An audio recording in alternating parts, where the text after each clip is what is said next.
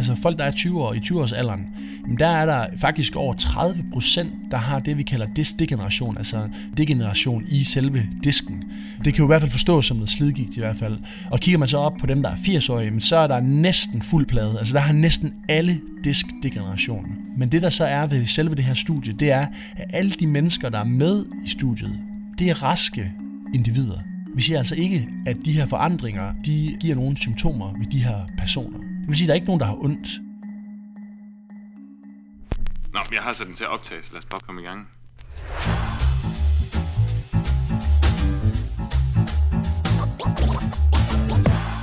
Velkommen til Smertesnak med Smertefri Bevægelse. Du er kommet til podcasten, hvor vi snakker vidt og bredt om smerter og punkterer myter og misforståelser. Podcasten er til dig, som døjer med længerevarende smerter, eller hjælper andre med at takle deres, og til dig, der gerne vil lære mere om smerters kompleksitet. Rigtig god fornøjelse med dagens episode.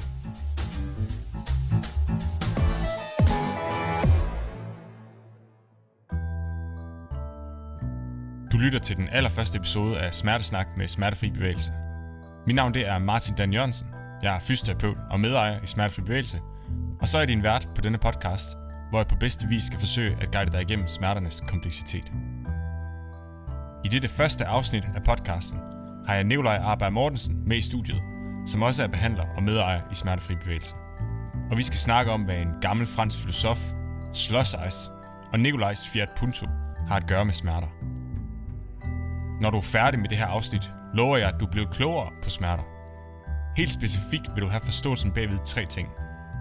1. Hvorfor et smerte ikke altid er lige med en skade. 2. At smerte i stedet er lige med en beskyttelsesmekanisme. Og 3. At smerte altid er en individuel oplevelse. Hej Nikolaj.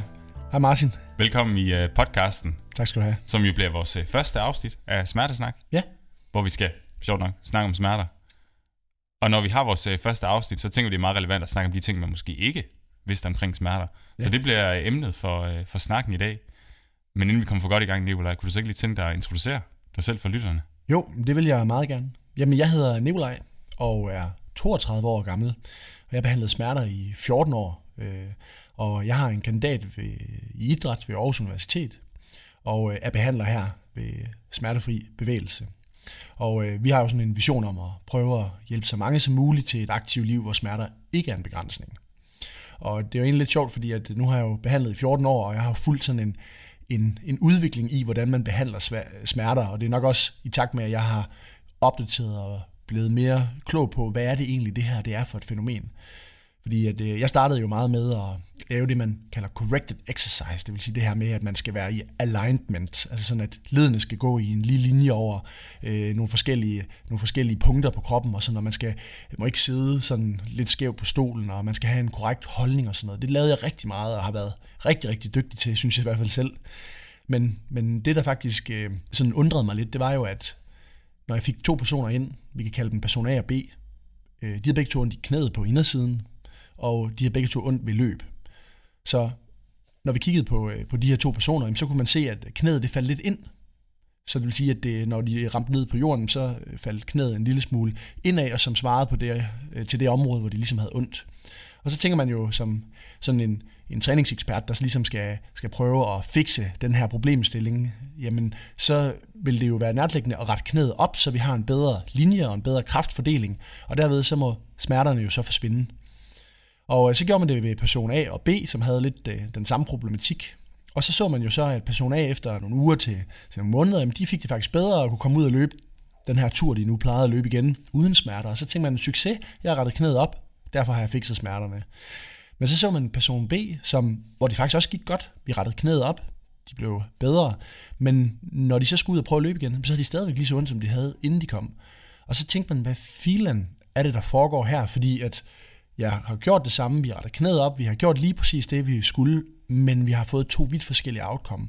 Og det var faktisk det, der lidt mig rigtig meget ned i den der forståelse af, hvad er smerte egentlig? Fordi at i sidste ende, så er det jo smerte, vi prøver at påvirke. Så øh, mange folk er jo måske lidt ligeglade med, om at det knæet lige lidt til højre, lidt til venstre, så længe de ikke har ondt, og de kan lave de aktiviteter, de ligesom gerne vil, og er meningsfulde for dem.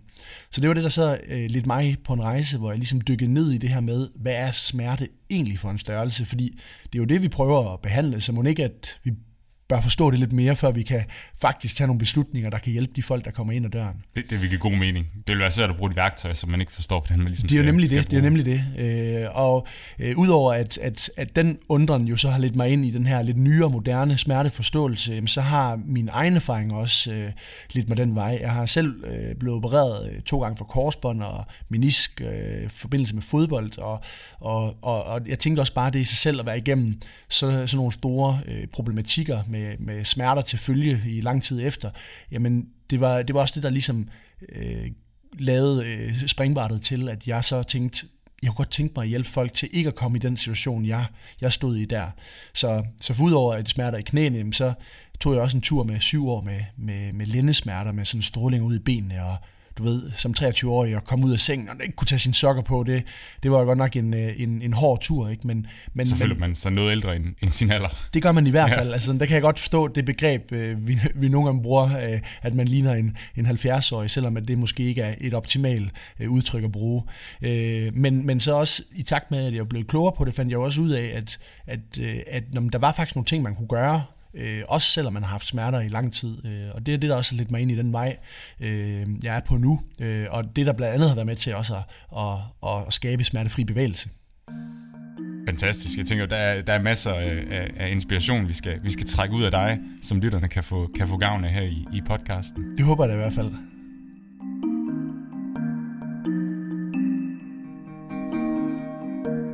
Vi skal snakke om, øh, om smerter og de ting, specifikt de tre ting, lytterne de måske ikke vidste om smerter. Nok også nogle ting, som, som du ikke vidste førhen, men ligesom har, har lært på den rejse, som du lige har beskrevet for lytterne. Ja. Det er jo også fordi, det er så stort et problem for samfundet, smerterne. Ja. Så, så på den måde, der giver det jo også mere mening, at vi skal prøve at forstå, forstå de her smerter her bedre. Så kan vi lige sætte rammerne for lytterne også. Hvad er det egentlig et problem, vi har fat i her, ja. når vi kigger på, på smerter i samfundet generelt? Ja, så, så, så faktisk så er kroniske eller længerevarende smerter, som betyder, smerter, der har varet længere tid end tre måneder. Øh, mange, der hører ordet kronisk, de tror, det, det betyder, at det, det var for evigt så, men, men det er egentlig ikke det, i den medicinske forstand, kroniske smerter betyder. Det betyder bare, at smerterne nu har fortsat i længere end tre måneder, og så kalder man dem kronisk eller længerevarende, plejer vi at bruge. Så det vil vi nok skifte lidt imellem ja, lige, kalde det nogle gange. lige præcis. Øhm, og det der jo er, det er jo, at når man, hvis vi har de her øh, længerevarende smertepatienter, de er jo for samfundet tit dyre at have. Fordi tit så bruger vi nogle meget dyre operationer, øh, og vi bruger nogle meget lange interventioner, der øh, også koster samfundet rigtig meget. Måske bruger vi nogen, der bliver øh, førtidspensioneret eller kommer på flexjob, som også koster samfundet en del penge. Så det er ret dyrt at have de her øh, problematikker til at være i samfundet.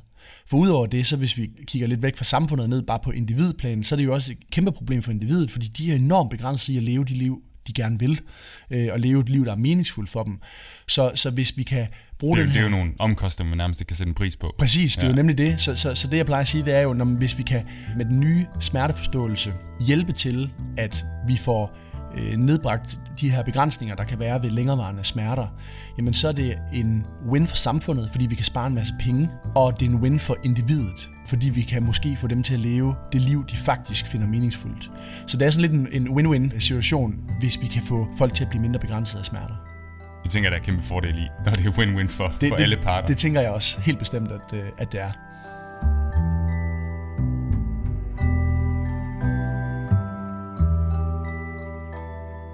Så når vi ligesom har været inde omkring, hvor stor en problemstilling det er, både for vores samfund, men også for, for individet, så skal vi kigge på, hvordan vi så bedre kan løse det.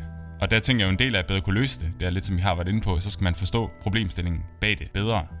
Kan du sætte nogle ord på, hvordan vi egentlig arbejder ud fra den tankegang, det her med at forstå problemet bedre? Ja, ja så der, der er mange, der siger, sådan, hvorfor skal vi, hvor skal vi overhovedet forstå noget om smerter? Kan I, kan I ikke bare fikse os? Øh, er det ikke det, der skal til? Man kan jo starte med, med den klassiske saying, at jo bedre du forstår et problem, jo nemmere har du ved at løse det. Og det er også derfor, hvis vi forstår, hvorfor det gør ondt, jamen så har vi nemmere ved at tage nogle adfærdsmæssige retninger, som, som måske støtter os i at få det bedre. Fordi at hvis, man, hvis man ikke forstår noget, også med smerter, så bliver man tit bange for det, og så kommer man tit til at gøre ingenting. Og problemet med det, det er jo, at hvis du har gjort det i 10 år og haft ondt de sidste 10 år, øh, jamen så er den strategi nok suboptimal for at gå fremad, i hvert fald blive mindre begrænset. Så det med at for, forstå et problem, jamen det, det dikterer i høj grad, hvordan vi ligesom løser det. Så derfor er det at forstå det egentlig en ret vigtig ting. Øh, og samtidig med, øh, når man forstår noget, så bliver man også mere tryg i modsætning til, hvis man ikke forstår det, som var det her med, at man, man måske bliver bange for at gøre noget. Så man bliver mere tryg i os at gøre noget med sin problemstilling. Øh, og jeg plejer at bruge den øh, metafor øh, med min egen Fiat Punto. Hvis I nu forestiller jer for eksempel, at jeg er ude og køre i min Fiat Punto på landevejen, og lige pludselig så hører jeg sådan et kokong i øh, ud fra motoren af, og det begynder der at ryge lidt, så vil jeg jo, øh, som nok de fleste andre, panik fuldstændig, fordi jeg vil så ikke vide, jeg vil også tænke, øh, alt det jeg har set på film, springer den i luften nu, øh, hvad, hvad sker der? Så jeg øh, kører så ind til siden, og så prøver jeg ligesom at kigge ned i motoren og se, hvad der er, og så kigger jeg jo bare ned i, i sådan noget rent øh, hulter til bulter øh, maskineri, som jeg ikke forstår. Det vil sige, at min chance for at få den her bil til at køre ordentligt igen, den er meget lille. Altså jeg kan godt gøre noget og være heldig eller lave noget tilfældigt, men, men jeg har ingen idé om, hvad jeg gør. Og så sandsynligheden for, at jeg får den op og køre igen, den er, den er ikke særlig stor. Modsætningen, hvis nu, at lad os sige, min mekaniker, han har taget min Fiat Punto ud på en køretur, og den siger præcis den samme, den her klokong-lyd, og det begynder at ryge, jamen så panikker han ikke, fordi at han har allerede nogle, nogle idéer om, når man den røg her og den lyd her, det kan svare til den her del i motoren, eller den her del. Så han er meget rolig omkring det, meget tryg i det. Så han kører også over til siden. Og han ved, i modsætning til mig, godt, hvordan man får den her kølerhjelm op. Og så kigger han jo ned i motoren, som for ham jo bare er en symbiose af ting, der spiller sammen. Så den beslutning, han kommer til at tage nu, for at få bilen til at køre, den vil alt andet lige have større sandsynlighed for faktisk at virke, end den jeg tager.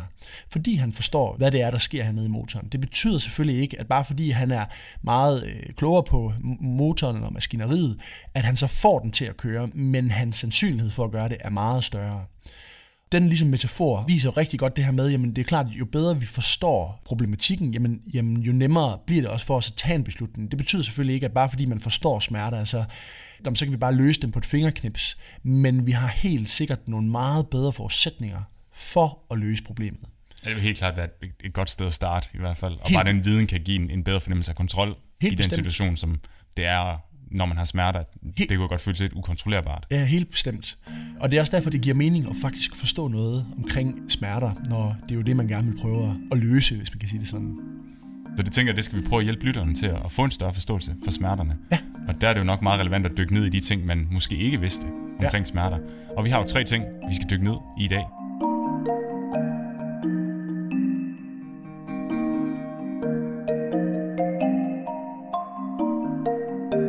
første ting, det er øh, det her med, at, at, at som vi ser smerte i dag, så smerte, det er ikke altid lige med en skade. Nej. Øh, den forståelse er i hvert fald nået frem til i dag. Hvordan kan det være, at vi egentlig er nået frem til den forståelse? Jamen altså, man kan sige, at den her øh, forståelse med, at øh, smerte er lige med skade, det er jo en, en gammel forståelse, som øh, stammer helt tilbage fra René Descartes, den gamle filosof fra 1600-tallet, hvor han lavede den her meget flotte tegning, hvor der sidder en, en dreng ved et bål, og så ryger der en glød over på foden, og så vandrer der sådan et smertesignal gennem et rør op til hjernen, hvor der så ringer en klokke. Og det, som René Descartes han ligesom foreslog, det var jo, at hvis der var en glød, der ramte foden, så var der en smerte, der ligesom gik igennem, og hvis der var øh, to gløder, så var der to smerter. Så det her med, at en lille skade gjorde lidt ondt, og en stor skade gjorde meget ondt.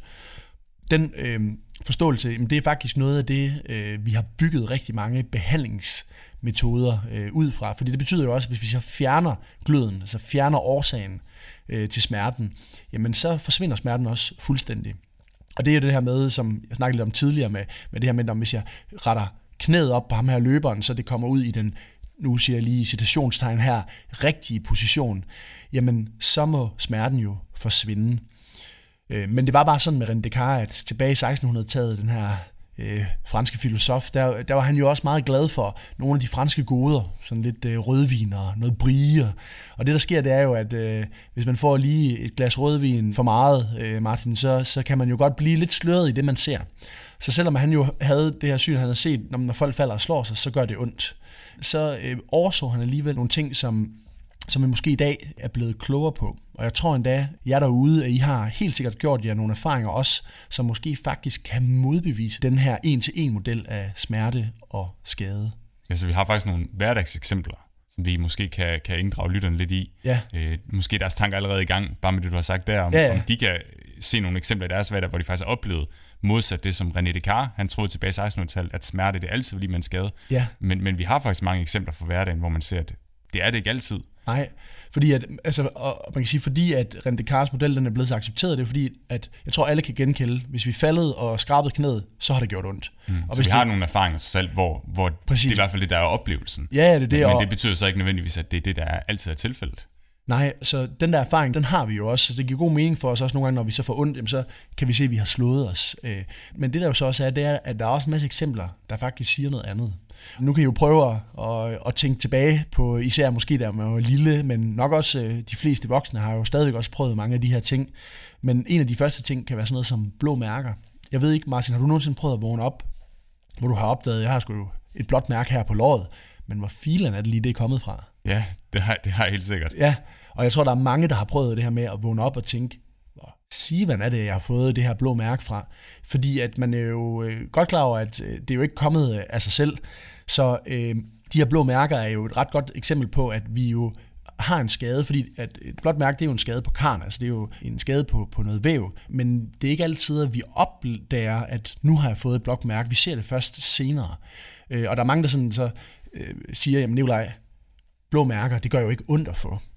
Hvor jeg så siger tilbage, når man, altså, hvis jeg skal lave et blåt mærke på dit lår, medmindre du har en eller anden blødersygdom, jamen så skal jeg faktisk øh, slå rigtig hårdt. Øh, og hvis du sidder og kigger på, at jeg gør det, jamen så vil du med øh, 100% sikkerhed synes, det gør rimelig ondt. Så, så der er altså et eller andet her, hvor at det ikke er altid lige med en smerte, bare fordi der er kommet den her øh, skade. Og hvis man kunne kigge lidt på nogle andre eksempler, så kunne det være sådan noget som rifter eller sådan nogle små cuts. Jeg ved ikke meget, som du har prøvet at være i skoven og så komme hjem og se, at hov, jeg har fået en rift på armen eller på hånden eller et eller andet. Ja, man kan især, ligesom også med eksemplet før, tænke tilbage på barndommen, hvor at, hvis man har rendt ud af lejren en hel dag, Ja. så har man der fået alle mulige rifter, uden lige at, at bide mærke i det. Det er jo det. Og nogen sådan lidt mere i den lidt mere øh, ældre udgave, jamen sådan, så, så kan det være det her med, at man måske har stået og skåret en salat, og så har man kommet til at lige at skære sig lidt ved fingrene, og så opdager man egentlig først, hov, jeg, jeg bløder der faktisk. Og så er det faktisk først der, man opdager, at man har skåret sig, på trods af, at der er vi jo helt sikre på, at vi har lavet en skade. Vi har jo skåret ned igennem fingrene, ikke? Men af en eller anden grund, så har vi ikke oplevet smerte i situationen, hvor vi ligesom fandt sted. Og man kan sige, i forhold til, til, til, til de her rifter, så er der mange, der siger, at sådan nogle små cuts der, det gør jo ikke ondt. Men så kan jeg jo prøve at øh, se, om jeg kan få folk til at huske tilbage på den gang, man, øh, hvis man gjorde det, eksperimenterede med paper cuts. det her med at, at tage et stykke papir, og så kigge på det, og så skære, det gør afsindig ondt. Så det er jo ikke, fordi de her cuts, de ikke gør ondt, men de gør bare ikke ondt i alle tilfælde. Ja, papercuts er jo endda nogle meget små vævskader relativt. Det er jo nogle meget Altså, små mm, vævskader, som gør afsindig Ja. ondt. Øh, det må man i hvert fald sige. Og så kan man sige, sådan, hvis vi skulle kigge lidt videre, nu, nu er det jo sådan nogle små hverdagseksempler, hvis man kigger lidt videre til nogle lidt mere ekstreme eksempler, sådan noget som, som for eksempel i krig, så har man jo de her historier om soldater, der måske har været i skuddueller, og så kommer de hjem og bliver tilset af lægen, hvor de så opdager, at de har fået øh, skud øh, i armen eller i siden eller noget, som de egentlig ikke har opdaget undervejs, men jo faktisk kan se, at der er egentlig sket en ret stor vævskade, men, men smerten har bare ikke optrådt der. Så det er sådan det her med, at det er i hvert fald ikke en til en, når man kigger på de her eksempler. Ja, der er endda, nu nævnte du selv med, med soldaten, der er det eksempel med ham her krigsveteran i en alder, øh, jeg mener han er øh, i 90-årsalderen på det tidspunkt, Ja. hvor han begynder at få lidt ondt i nakken. Ja. Hvor det faktisk viser sig, at han har fra tilbage, nu kan jeg ikke huske, hvilken krig det er, han har, han har været med i. Nej. Øh, men man må gå ud fra, når han er 90 år i dag, og krigsveteran, så er det mange år siden. Ja. Men man finder den her kugle i, i nakken på ham. Ja, Så han faktisk er blevet skudt, men har jo ikke vidst det før 50-60 år senere nærmest. Ja, og man kan sige, at øh, man kan selvfølgelig stille spørgsmålstegn ved, om det så er kuglen, der lige pludselig har givet ham nakkeproblemer, eller han har fået nakkeproblemer, ikke og så har, Ja. har de så set kuglen. Men det er ret, øh, en ret vild scanning at se det her med, at, øh, at du tænker som læge, om der er en, der kommer med lidt nakkesmerter, og så kigger du øh, på røntgenbillederne, så kan du se, der sidder et projektil inde i hans nakke. Øh, og det har nok siddet der de sidste i hvert fald 50 år. Mm. Øh, så, så der må man sige, der er jo sket en, en stor skade, men den her mand har ikke haft nogen idé om, at der har siddet et projektil. Så han har jo fået noget af en skade, ikke? Men, men uden nogen former for, for smerte der. Mm. Altså, så mange af de her eksempler leder hvert fald frem til, at, at tænke, der, der må være lidt noget andet på spil, når vi skal stå, hvad smerte egentlig betyder. At det ikke nødvendigvis altid betyder, at det er en, en skade, vi har med at gøre.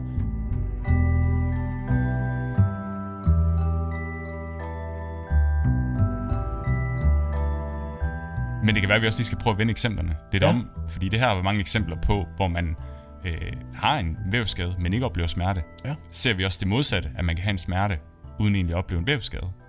Ja, så, så hvis vi skulle tage øh, et hverdagseksempel, der er nok mange, der kan, kan genkende til, så er det de her famøse kafeterier, der er i hallerne, hvor at man jo kan få de her ice, øh, hvad hedder det, øh, de her maskiner, som ligesom laver det her grødis med farve.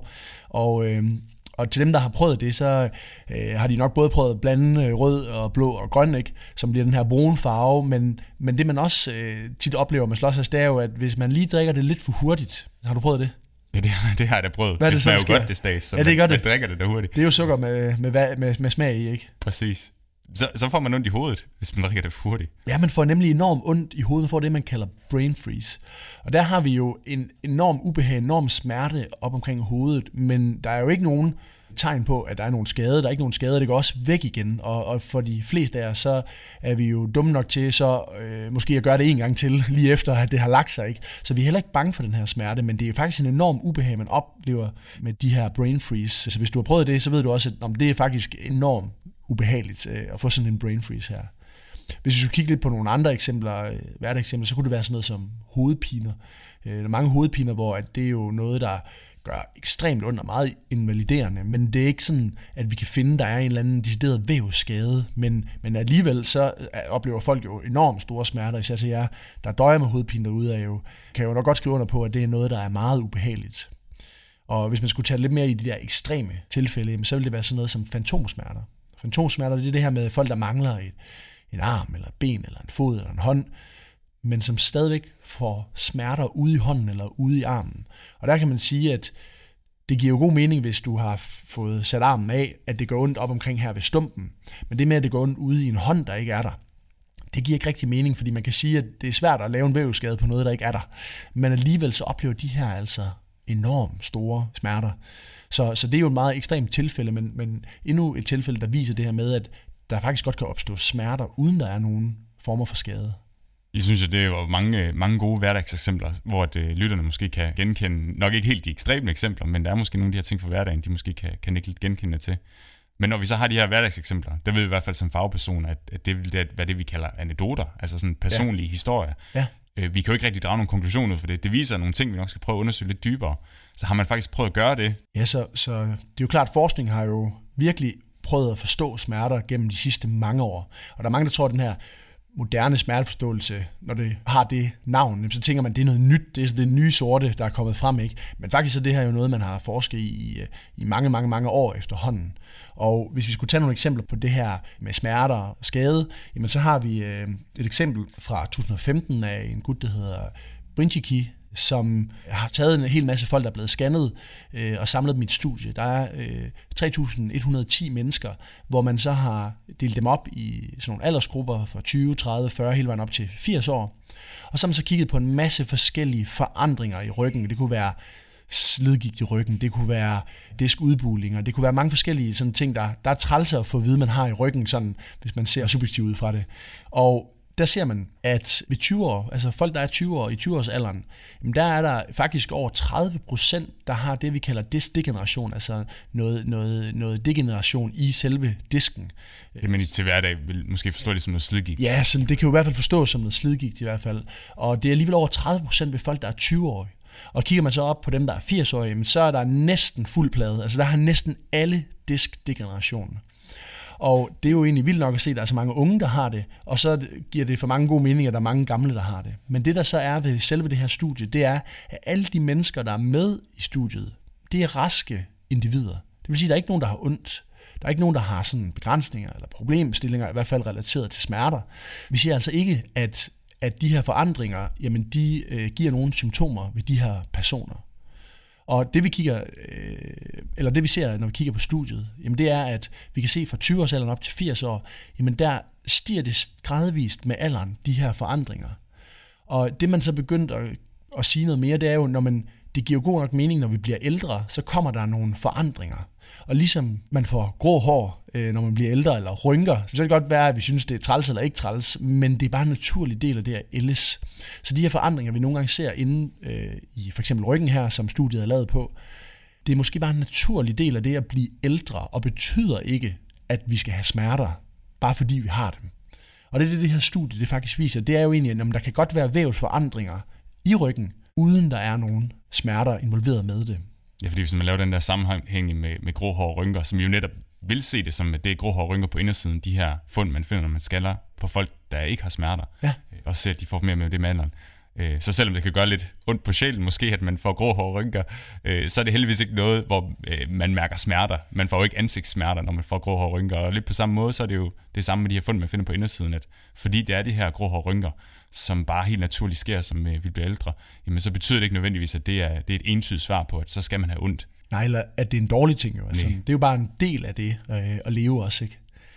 Og man kan sige, at man ser faktisk, at det går igen også øh, på både knæ og hofte og skulder og albue, af de led, man sådan har kigget mest på. Ja, faktisk på, på, på stort set alle kropsdele Ja, ja, har man lige, lige præcis. Ryggen er jo så bare tit det, der bliver kigget mest på mm. i forskning, fordi at der er mange, mange, der har rygsmerter. Præcis. Øhm, så det er jo ligesom den her øh, forskningsdel, der viser det her med, at om der kan godt være sådan en eller anden form for forandring uden smerte. Og så er der selvfølgelig også det, det modsatte, det har man jo også kigget på, og der øh, har jeg valgt at tage et studie med fra, fra 1991, af en, der hedder Bayer, som har lavet sådan et et ret sjovt placebo-studie, kan man kalde det, hvor at, øh, at det, man ligesom gør, det er, at man øh, fortæller ind i forsøgspersonerne, at øh, de kommer ind i sådan et rum, hvor der er en kæmpe maskine, med sådan en lidt sådan, hvis I kender de der hårtør, man sætter ned over håret, så bliver det sådan lidt sådan en, en hjelm, man får rundt om, om hovedet. Den rører ikke hovedet, men den er rundt om. De får at vide, de er med i et, et smertestudie, hvor vi skal se, hvordan de ligesom øh, oplever den smerte, der ligesom bliver givet af den her maskine. Så de forventer allerede, at om det her det kommer til at blive ubehageligt. Der er en forsker i hvid Øh, kittel og sådan noget, så det ser meget ud som om, okay, nu er jeg kommet i Frankenstein-laboratoriet her, ikke? Man har sådan en stor volumenknap på den her øh, maskine, hvor man så ligesom i takt med, at man fortæller personen, der sidder i stolen her, at øh, når jeg skruer den her op, så vil der komme mere og mere strøm igennem den her hjelm, som jo så vil skabe noget mere ubehag. Og så begynder man så at skrue op på den her på 1 og 2, hele vejen op til, til 10, hvor forsøgspersonen de jo så skal sige, hvor meget ubehag og smerte de ligesom oplever. Og det man så finder, det er jo, at i takt med, at man skruer op for den her volumenknap, så oplever de mere og mere og mere ubehag. Det er ikke god mening, hvis der kommer mere strøm igennem den her maskine, jamen så vil det jo gøre mere ondt. Men det der så bare er i det her studie, det er jo, at den her maskine, den gør slet ingenting. Så det er helt setup. Det er simpelthen for at snyde de personer, der kommer ind. Så vi har lavet en forventning om, at de skal øh, få ondt, og vi har et kæmpe apparat, en kontekst, der viser, at det her det er altså the real deal. Øh, en eller anden form for X-Man-maskine, der, der, skal, der skal give noget ubehag. Og så for, sker der så det, at de her personer, de oplever faktisk smerte tilsvarende den her volumen, der bliver skruet op. Og det er jo lidt funky, fordi her er der jo slet ikke nogen skade, øh, fordi der er ikke nogen strøm i den her maskine, men alligevel så oplever de her personer altså ubehag og smerte. Og det er jo noget, der viser det her med, jamen, man kan faktisk godt opleve smerte på baggrund af, at der faktisk ikke er nogen vævsskader eller forandringer overhovedet i, det her studie. Altså på, på baggrund af at de her store undersøgelser, man så har lavet, så er det jo så, at vi kan, vi kan nå frem til den konklusion, at smerte er ikke altid lige med skade. Nej. Så selvom René Descartes han er en klog mand, så missede han jo altså nogle, nogle eksempler, især nogle meget sådan øh, gennem til hverdagseksempler, øh, og nu også en masse forskningseksempler øh, øh, eksempler på det her med, at jamen, smerte og skade, de er altså ikke lige med hinanden. Der kan selvfølgelig godt øh, være skade og smerte, men der kan også godt være smerte uden skade, og der kan også godt være øh, skade, hvor der ikke er nogen smerte. Så vi har alle de her forskellige ting. Og det der så er, det er, at vi kan i hvert fald ikke lave det her en-til-en forhold med, med skade, skade og smerte. Det der så det bringer os videre til, det er sådan, hvad filen er smerte så, hvis det ikke er, er lige med skade, hvad er det så lige med?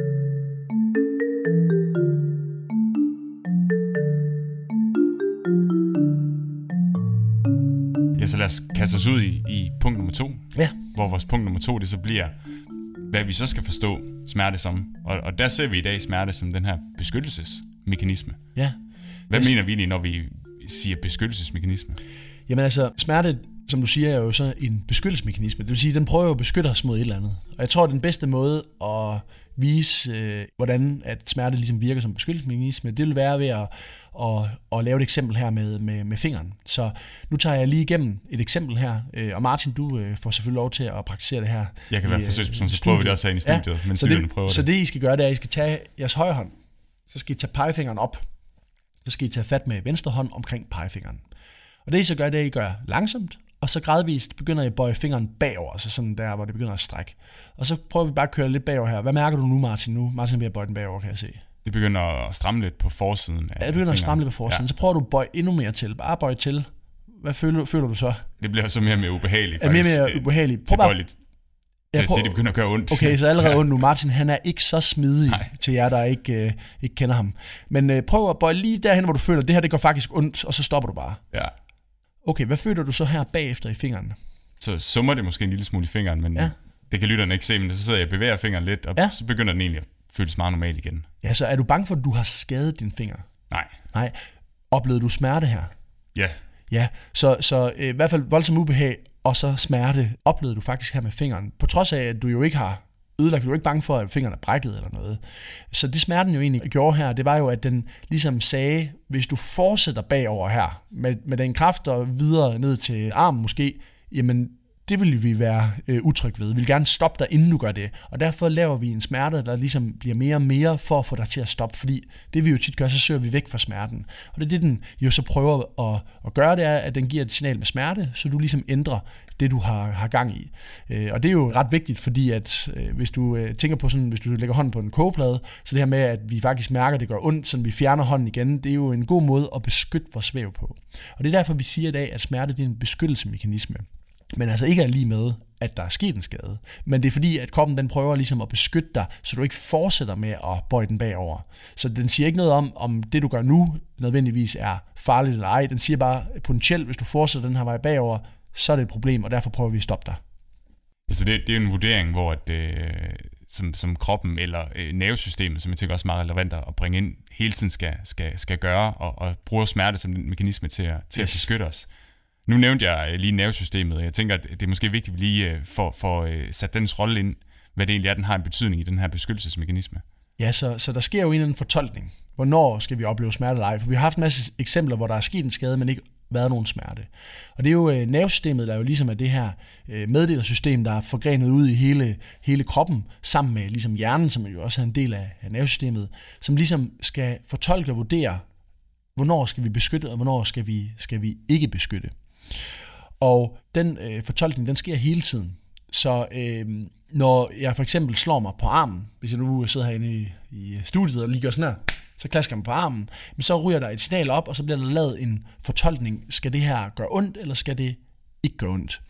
Og den fortolkning kan man, kan man se lidt ligesom en, sådan en gammeldags øh, balancevægt, du ved, hvor man har nogle lodder i hver side.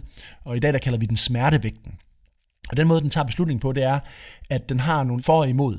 Skal vi, er, der en, er der en høj fare på færre, det vil sige, er der en trussel mod os, eller er der en, kan man sige, øh, en ikke, øh, altså en sikkerhed, som gør, at vi ikke har behov for at beskytte. Så det vil sige, at vi har ligesom de her for og imod, der hele tiden bliver afvejet. Så hvis man skulle sige for eksempel, når man, hvis knæet det nu gør ondt, så det kroppen den ligesom kan sige for knæet, det er for eksempel, når vi er faktisk, øh, vi har noget stærkt væv, nogle stærke sener, stærke knogler og muskler. Det taler jo for, at vi er rimelig trygge ved at bruge knæet, så derfor så er der ikke nogen grund til at beskytte det. Så noget af det, der kan tale imod, det kunne være så sådan noget som nogle degenerative forandringer, for eksempel en i knæet eller noget inflammation eller lignende. Og det var jeg så ligesom for, at vi skal beskytte noget mere. Og så er der hele tiden den her balance, og der er der altså mange ting, der fylder på den her vægt. Det er ikke kun de her, øh, hvad kan man sige, hvor stærk er du, og hvad sker der i knæet, men det er også sådan noget som, når man, hvor, hvor stresset er du, hvor, hvor godt har immunforsvaret det, øh, hvordan er din søvn, øh, har du mange bekymringer, alle ting, der ligesom kan påvirke nervesystemet og hjernen, og det er jo ret mange ting, men det kan også påvirke den her beslutning i, om der skal være en smerte, eller der ikke skal være en smerte. Og det er altså på balancevægten her. Og det er klart, at hvis der er mange, der ligesom taler, der skal behov for beskyttelse, jamen så beskytter man knæet. Og det kan godt være, at den vægt herover, den, den, der fylder mest for eksempel øh, sådan noget som stress. Det fylder meget ved, ved måske nogen, der har længerevarende smerter i knæet. Og så fylder degenerative forandringer mindre. Og det kan også godt være omvendt. Så det er meget forskelligt, hvad der fylder for den enkelte. Og det samme med det, der ligesom taler øh, for, at der ikke er behov for beskyttelse, det kan også være meget forskelligt. Det kan både være styrke, øh, smidighed, men det kan også være det, at man har et godt immunforsvar, et godt helbred. Det, det er også noget, der taler for, at der ikke er behov for beskyttelse. Så det er den her fortolkning, som kroppen hele tiden gør.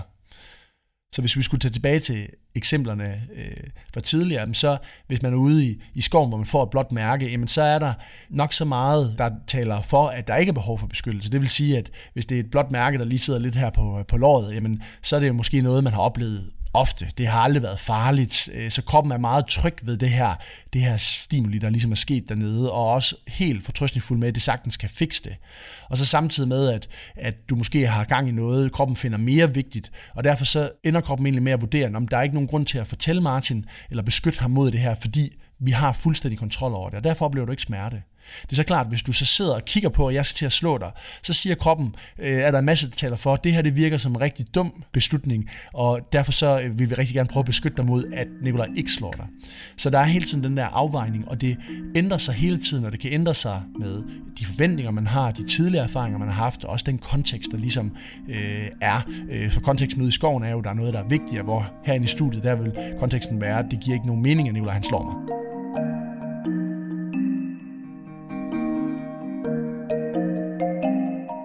Og det samme med de her, for eksempel brain freeze, eller de her, hvor du oplever store smerter, det er måske kroppen, der vurderer, at der er en nedkøling i gang. Og det er jo klart, hvis, hvis øh, kroppen tror, at du er ved at blive kølet ned, så skal du jo hurtigst muligt væk fra det, fordi det er potentielt rigtig farligt for os. Ikke? Og derfor så vægter den mere for, at der skal være mere beskyttelse. Så det jeg i hvert fald hørt dig sige, Nikolaj, hvis vi sådan lige skal opsummere på lytter, for lytteren, det er jo, at der er i hvert fald mange informationer, der spiller ind, ikke kun om der er en vævsskade nu, når vi forstår den her beskyttelsesmekanisme. Så det er ligesom en, et resultat af, af alle de informationer, som, som kroppen, som nervesystemet kan, kan hente ind i omgivelserne omkring os. Ja, lige præcis. Og det er også derfor, man er gået fra, så René Descartes model, også det, der har gået forud for den her biomedicinske model, som er den her meget, om der er en fejl, og så fikser vi den. Hvor det, vi er gået mere over til et moderne smerteforståelse, den her biopsykosociale model, det er, at der er så mange ting, der kan påvirke øh, smerter, og ikke kun ligesom det, der er en skade, som vi jo lige har lavet masse, vist en masse eksempler på, jo øh, også er, er, er tilfældet, ikke? At, at der er mange flere ting, der spiller ind, end kun lige de her vævsforandringer på, om man oplever smerte eller ej. Det tænker jeg, det var en, øh, en god, øh, god afrunding på vores øh, punkt nummer to, medmindre du har andet, Nikolaj, vi skal have, lige have med der. Nej, ikke lige til det. Nej, så synes jeg, vi skal gå videre til vores sidste punkt, det man måske sidder tilbage med øh, som lytter nu her, det er, der, der bliver noget mere komplekst, i hvert fald når jeg skal forstå mine smerter. Jeg kan ikke kun øh, gå ud fra, om der er en, en skade eller ej. Der er alle de her informationer, man skal tage med ind. Og i hvert fald den forståelse, vi sidder tilbage med, det er jo, at, at så skal vi se det som den her lidt mere komplekse oplevelse. Men kan vi gøre det lidt mere tydeligt for lytteren, hvordan at, at vi egentlig så forstår den her oplevelse for dem? For det bliver meget netop en, en individuel oplevelse, om den enkelte oplever smerte eller ej. Ja, så det er der mange, der ligesom stejler over. Øh, det er jo, at nu har de fået at vide, at det er nervesystemet og hjernen, der producerer den her smerteoplevelse. Og så folk lige sådan, så du siger, det er bare noget, jeg bilder mig ind, det er sådan noget psykologisk, og det er ikke virkelig nødvendigvis.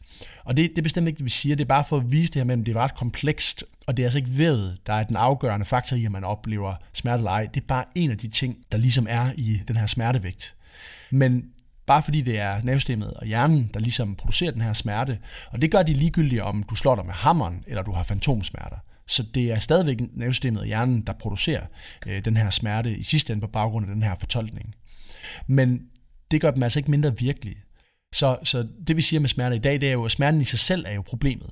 Og så kan der være mange bidragsyder til smerten. Men de er altså altid reelle, og de er altid virkelige. Fordi der er mange, der kommer ind til os, der er nogle gange blevet mødt med den her lidt skepsis over, men har du egentlig ondt, fordi jeg kan ikke se noget på scanningen. Og der ved vi godt i dag, at jamen, den her scanning, den, den afslører ikke smerte. Den viser anatomien, hvad der er inde i ryggen, men den viser altså ikke smerten. Ja, man kan jo aldrig diskutere, som den enkelte oplever smerte eller ej. Det er altid Nej, lige præcis. Oplevelse. Lige præcis. Så, så det ikke, man kan ikke bilde sig det selv ind. Og, og et godt eksperiment, det kan vi jo lige tage nu her. Hvis I prøver at tage venstre tommeltop op foran jer, så kigger I på den. Så kigger I på, på sådan negleroden lige dernede. Så jeg stiger meget intens på den. Ja, jeg stiger meget intens på den, det kan jeg godt se. Du er meget koncentreret. Prøv at få det til at gå ondt dernede. Nu. Hvordan går det, Martin? Det går ikke særlig godt. Nej, jeg vil også sige, at jeg er lidt svært ved det. Så, det, så, så det der er det her jo, selvfølgelig kan vi ikke bare få det til at gøre ondt. Det er ikke noget, vi kan styre. Det her system, det er uden for vores bevidste styring. Det kører bare hele tiden. Og det gør det jo så på baggrund øh, af alle de tidligere ting, øh, vi har oplevet, og konteksten, vi er i, og hvad der ellers øh, sker omkring os. Og på baggrund af det, så vælger den at beskytte os. Men det er ikke noget, vi skal tænke over. Og det er jo faktisk en ret god ting, det er det ikke noget, vi skal tænke over. Prøv at tænke på, hvis du hele tiden skulle aktivt beslutte, skal jeg have ondt eller ej, ved at sætte hånd på kogepladen. Så jeg kan godt øh, love dig, så vil du brænde den hånd rigtig mange gange, inden du når at få besluttet, om du skal tage den væk eller ej. Så det er godt, vi har et system, der bare gør det på få, få, få millisekunder.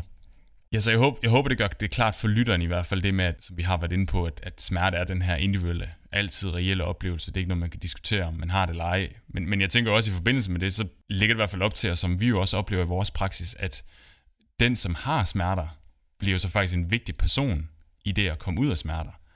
Som jo betyder, at når vi så tilgår behandling i dag, at så skal vi jo nok inddrage den enkelte med smerter noget mere. Ja, så man kan sige det her med, at førhen, hvor vi havde den her med René Descartes model, at når man, hvis vi fjernede årsagen, så ville det blive bedre. Øh, så ville smerten jo også forsvinde. Jamen, det ved vi jo så i dag, at der er mange faktorer, der spiller ind, og det er altså ikke kun vævet i sig selv, der ligesom er årsagen til smerten. Og det, der sker, det er jo, at vi jo også ved, om det er en individuel og subjektiv oplevelse smerte, som vi ikke kan diskutere ligegyldigt hvor god en behandler jeg synes, jeg er, eller lægen synes, eller andre behandlere synes, de er, så vil de aldrig kunne mærke det, som den person, der sidder over for dem, mærker. De vil ikke kunne mærke, hvor ondt det gør. De vil ikke kunne mærke, hvordan det føles i musklerne og sådan noget. Det er kun personen overfor. Og det er jo nogle, nogle ret vigtige svar, vi skal bruge for ligesom at lave bedst mulig genoptræning eller øh, forskellige håndteringsstrategier til smerte. Så derfor så ser vi i dag behandling meget mere som et samarbejde hvor at behandleren er ekspert på øh, interventioner, altså forskellige øh, metoder, man ligesom kan behandle på med træning eller med forskellige øh, kognitive øh, terapiformer. Man sidder med en masse forståelse inden for smerte og neurofysiologi, og man sidder også med nogle erfaringer fra tidligere patienter, man har haft igennem. Men derudover så sidder patienten, det sidder jo med en enorm ekspertviden på dem selv. Altså de ved, hvor hvordan det føles at løfte armen op over hovedet. De ved, hvordan det føles at bøje sig fremover. Og det er nogle ret vigtige svar i forhold til at finde ud af, hvilken genoptræning eller hvilken øh, håndteringsstrategi skal vi bruge lige præcis til dig, før du kan gå fremad. Lige, ligegyldigt hvor god en behandler det er, så vil du aldrig kunne mærke den smerte, nej. Som, som person med smerte, der så over for dig. De nej, har. nej, lige præcis. Og det er også derfor, at man, man kan se, jamen bare fordi vi har en eller anden protokol, vi siger, at den her protokol, den er god for diskusprolaps. Det vil sige, at øh, vi siger, at du må ikke bøje dig fremover, fordi det er, lægger større pres på din diskus. Men hvis du så har en inden, der har diskusprolaps, men får en enorm smertelindring af at bøje sig fremover, så vil det være øh, dumt ikke at inkorporere en eller anden form for fremoverbøjning i deres program, fordi det hjælper dem faktisk til at komme hurtigere fremad. Og derfor er det vigtigt, at vi inddrager den bedste ekspert på, på sig selv, som er den, der sidder over for en, jamen inddrager dem i selve behandlingen. Og derfor bliver det også meget mere et samarbejde, hvor at behandleren bliver meget mere en, en vejleder, en sådan smertevejleder, som hjælper patienten med ligesom at guide sig den rigtige retning for hurtigst og bedst muligt at komme fremad. Altså, hvis du selv sidder derude øh, som lytter og faktisk har smerter, så øh, en kæmpe opfordring til, at, øh, eller i hvert fald at, at lige mærke efter, om i, i den behandling, du måske er i nu, jamen har du en fornemmelse af, om du faktisk bliver inddraget der, om, om I har et godt samarbejde der, fordi det tænker vi da på baggrund af den viden, vi har nu, at det vil være meget vigtigt, at man oplever det. Ja, så hvis man føler, at man er inde ved en behandler, der er meget sådan, jeg fikser dig, og du ikke rigtig selv har noget at skulle have sagt til det, jamen så vil det måske ikke være det mest optimale, øh, hvis du døjer med længerevarende smerter. Så så vil jeg øh, finde en behandler, der på en eller anden måde inddrager dig i selve beslutningstagningen om, hvad skal der ske, før at du går fremad. Jeg tænker, det er et godt øh, budskab at slutte episoden på. Har du ellers andet, øh, Nikolaj, vi skal give øh, lytteren med? Nej, ikke lige på øh, stående fod. For at opsummere på dagens episode, og det du skal tage med dig herfra, så er det først og fremmest, at smerte det er ikke altid lige med en skade, men det er lige med beskyttelse. Og bare fordi man finder noget på en scanning, for eksempel nogle degenerative forandringer, så betyder det altså ikke, at man skal have smerter. Omvendt, hvis du har ondt, så betyder det ikke altid, at du er ved at gå i stykker, eller ved at gøre skade på dig selv. For som vi prøvede med fingeren tidligere i episoden, så skulle vi altså bryde igennem en hel del smerter, før vi overhovedet kunne lave en skade på fingeren. Hvis du nu døjer med smerter, så er det altså helt okay at begynde at prøve at være lidt mere aktiv, også selvom at man har lidt ondt. Det vigtige det er nemlig, at du holder dig aktiv og holder dig lidt i gang, inden du stopper helt på grund af smerterne. Og så skal man sidst huske, at smerter det er altid en individuel og reel oplevelse. Jeg håber, du synes om dagens episode og fik en masse viden med dig herfra i dag. Vi lyttes ved i næste episode.